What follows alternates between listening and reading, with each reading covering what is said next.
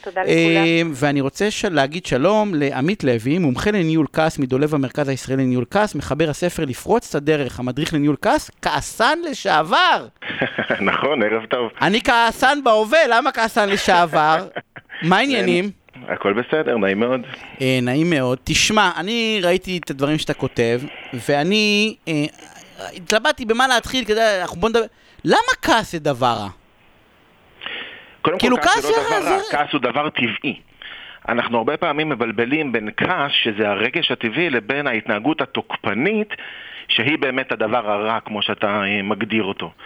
אה, בוא נגיד ככה, אם מישהו יחנה לי בחנייה, זה מאוד טבעי שאני אכעס, נכון? אם הבן שלי יגנוב לי כסף מארנק, אה, זה יהיה אפילו לא, לא הגיוני אם אני לא אכעס. אם אשתי תבגוד בי חלילה. הכעס הוא רגש טבעי. ההתנהגות התוקפנית, איך אני מבטא את הכעס, זה, הדבר, זה המקום הבעייתי.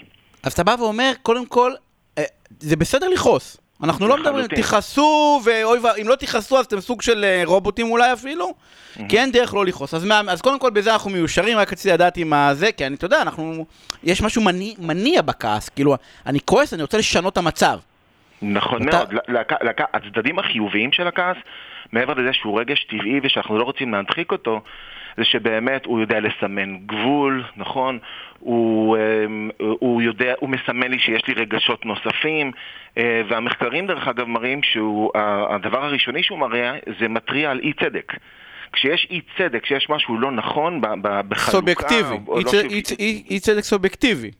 משהו שלי מפריע, כי אתה יודע, יכול להיות שיש כאלה שלא מפריע להם.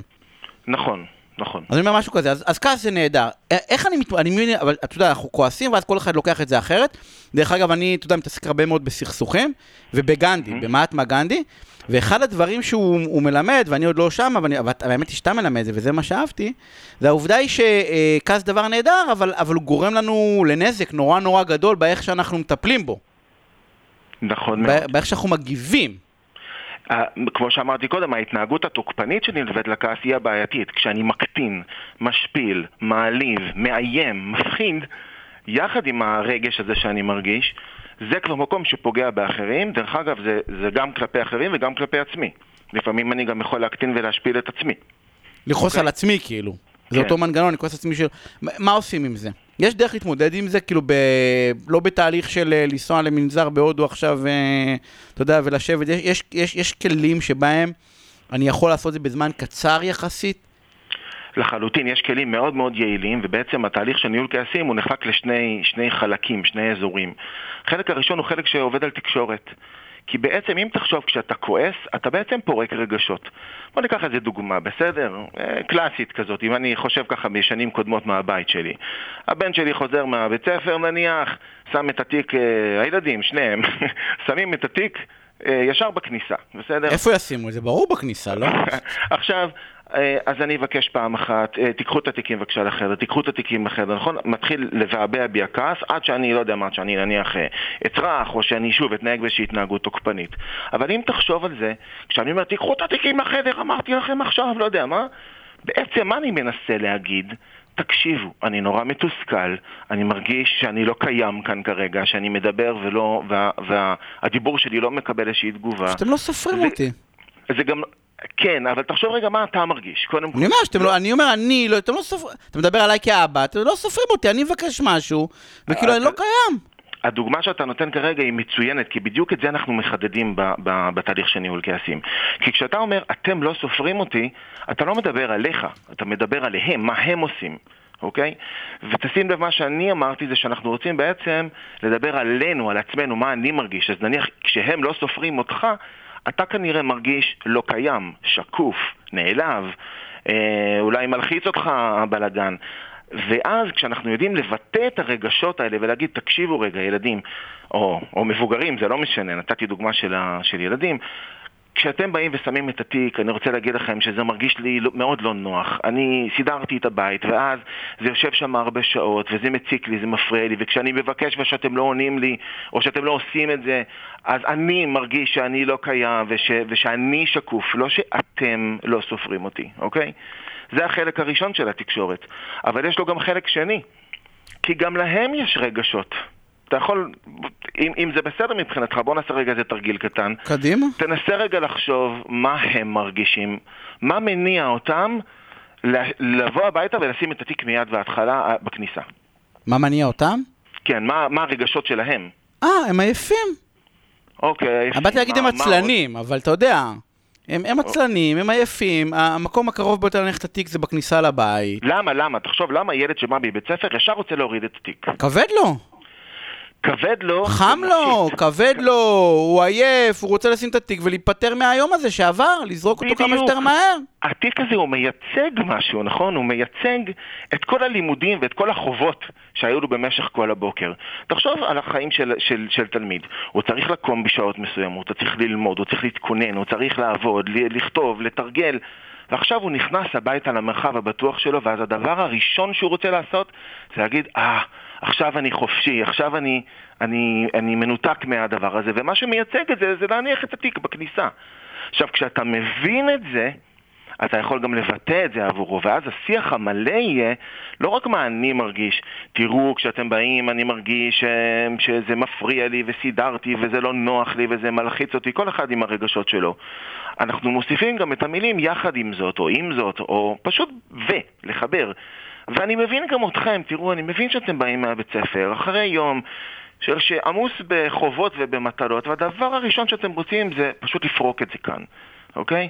וזה בסיס ל, ל, אה. למציאה של פתרונות חדשים שלא היו שם קודם. כי אם תחשוב קודם, למה אני מעלה את הכעס עד כדי רמה של התנהגות תוקפנית? כי אני רוצה ש, ש, שהדבר הזה יקרה, שהם ייקחו כבר את, ה, את התיק לחדר, וכשאני אצעק, הם באמת יעשו את זה.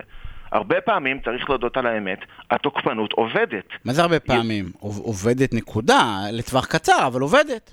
אה, אה, אה, הוספת את זה מצוין, שאמרת לטווח קצר, כי בטווח הארוך מה שקורה זה שאני, א', פגעתי באחרים, הקטנתי, השפלתי, העלבתי אותם.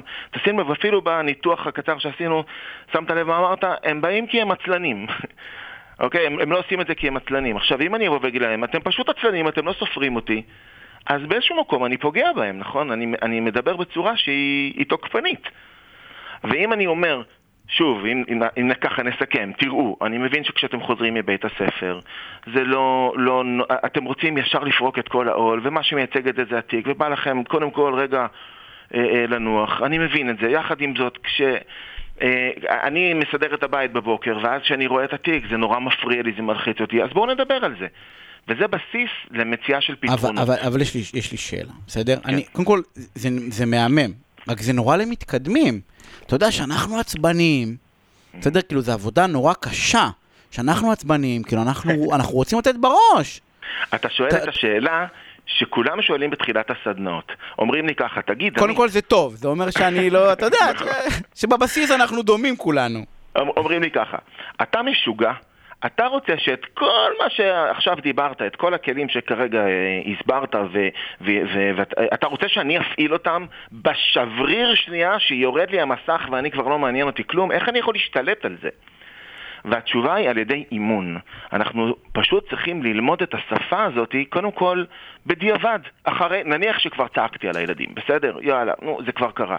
עכשיו אני יכול לבוא אחרי חמש דקות, אחרי חמש שעות, אחרי חמישה ימים, זה לא משנה. אבל אני יכול לבוא ולהגיד, תקשיבו רגע, אני רוצה לדבר איתכם על מה שהיה היום בצהריים כשחזרתם, או אתמול, לא משנה, אוקיי? ולעשות את אותו השיח. ומה שיפה כאן זה שהמוח שלנו הוא, הוא איבר גמיש, הוא לומד. וככל שאני מתרגל את זה, ככל שאני אעשה את זה בהתחלה בדיעבד, אחרי האירוע התוקפני, אני אתרגל את צורת השיח הזאת, ככה זה יקבל שורשים בתוך המוח שלי עד שיגיע רגע קסום, ממש כזה, שברגע שיקרה אירוע מכעיס, אני גם אדע להפעיל את הכלים אתה אומר בעצם, אונליין, באותו אומר, הרגע. אתה אומר בעצם את הדבר המדהים, אני לא מצפה מאף אחד שברגע שיורד לו המסך, כמו שאמרת, ואתה יודע, עולה לו הג'ננה, עולה יורד, שבאותו הרגע יעשה את הפעולה הזאת שהוא רק מתחיל. כי הוא לא יכול, בוא, שורה תחתונה, אבל מה שהוא כן יכול לעשות, זה בדיעבד שהוא כבר רגוע. ופעם נכון אחת תעשה את זה, פעם שנייה תעשה את זה, פעם שלישית תעשה את זה, בפעם החמישים שתעשה את זה, בדיעבד, ברוגע, בנחת, כי זה חשוב לך, בסדר? בפעם החמישים שתעשה את זה, זה כבר יבוא לך כמעט, לא יודע באוטומטי, אבל תגיד, אה, אולי אני כבר אעשה את זה בו זמנית, הנה המסע, אני קולט, קולט שזה עולה או יורד, אני קולט את הזה, אבל, אבל, אבל זה עבד בפעם, בפעמים האחרונות. אז מותר, מותר לא לכעוס על עצמך שאתה לא מצליח, כאילו, אני חושב שזה אחד הדברים. מותר, מותר אה, אה, לסלוח לעצמך, בסדר? נכון מאוד. יש שם מעגל שלם, אחר כך של אשמה וחרטה. כן, ואנחנו- בדיוק, אז מותר, ממוקדים- מותר לסלוח בדבר הזה, ובלבד שתעשה את זה בדיעבד. נכון, אנחנו הרבה פעמים ממוקדים בתוצאות. ובהתחלה, התפרצתי או לא התפרצתי? כעסתי, לא כעסתי? הייתי תוקפני, הייתי אה, או, או לא? אה, ו- וכמה שזה יישמע מוזר בתהליך של ניהול כעסים, זה ממש לא משנה, זה לא מעניין. ברור שאנשים שמגיעים לתהליך לניהול כעסים, הם מגיעים כשהם מתפרצים, אז זה לא ייפסק ביום אחד. אוקיי? אבל זה גם לא ייפסק ב- אה, בשנתיים. הם סך הכל צריכים לרכוש את הכלים ואת המיומנות הזאת, שבדרך כלל, את הצורת תקשורת הזאת, הם לא למדו בבתים שהם וזה גדלו. ממש בסדר לעשות את זה בדיעבד. אני חושב שזה כאילו חלק מה, מה, מהניתוח הזה, שזה ממש בסדר לעשות את זה בדיעבד, וגם אם פישלת, וכמה פעמים, זה ממש לא נורא. נכון, נכון מאוד. אה, ואם תסתכל על זה, אם באת בדיעבד ושוחחת עם הילדים, אז האם באמת פישלת? האם זה באמת כישלון? או שעשית משהו מאוד אה, משמעותי וחדש מול הילדים שלך, שאגב, אתה בצורה הזאת גם משרה עליהם צורת שיח חדשה. שוב, אנחנו נצמדים לדוגמה של הילדים, אבל זה עם... זה יכול להיות עם כולם. עם עמית. אני רוצה להודות לך על שיחה מרתקת, אנחנו פשוט חייב- צריכים לסיים. אה, אבל לכו תקראו, יש פת... תקראו, מי, ש... מי שכועס, יש פתרונות לזה, אה, ומהממים. עמית, תודה רבה, שיהיה ערב מעולה. אני, אני יכול עוד מילה קטנה? משפט בוודאי. אה, לניהול כעסים יש עוד צעד נוסף חוץ מתקשורת, וזה עבודה על אוטומטים, זאת עבודה עמוקה יותר, אם תרצה נדבר על זה בראיון אחר. על מנטרות. אה, נכון, ומי שרוצה לדעת אם יש לו בעיה עם כעסים, יכול להיכנס לאתר של דולב, דולב המרכז הישראלי לניהול כעס, או לרשום בגוגל לנצח את הכעס, אה, ולמלא שם שאלון מבוסס מחקר מדעי, אה, ולבדוק קודם כל האם יש לו עניין עם כעסים.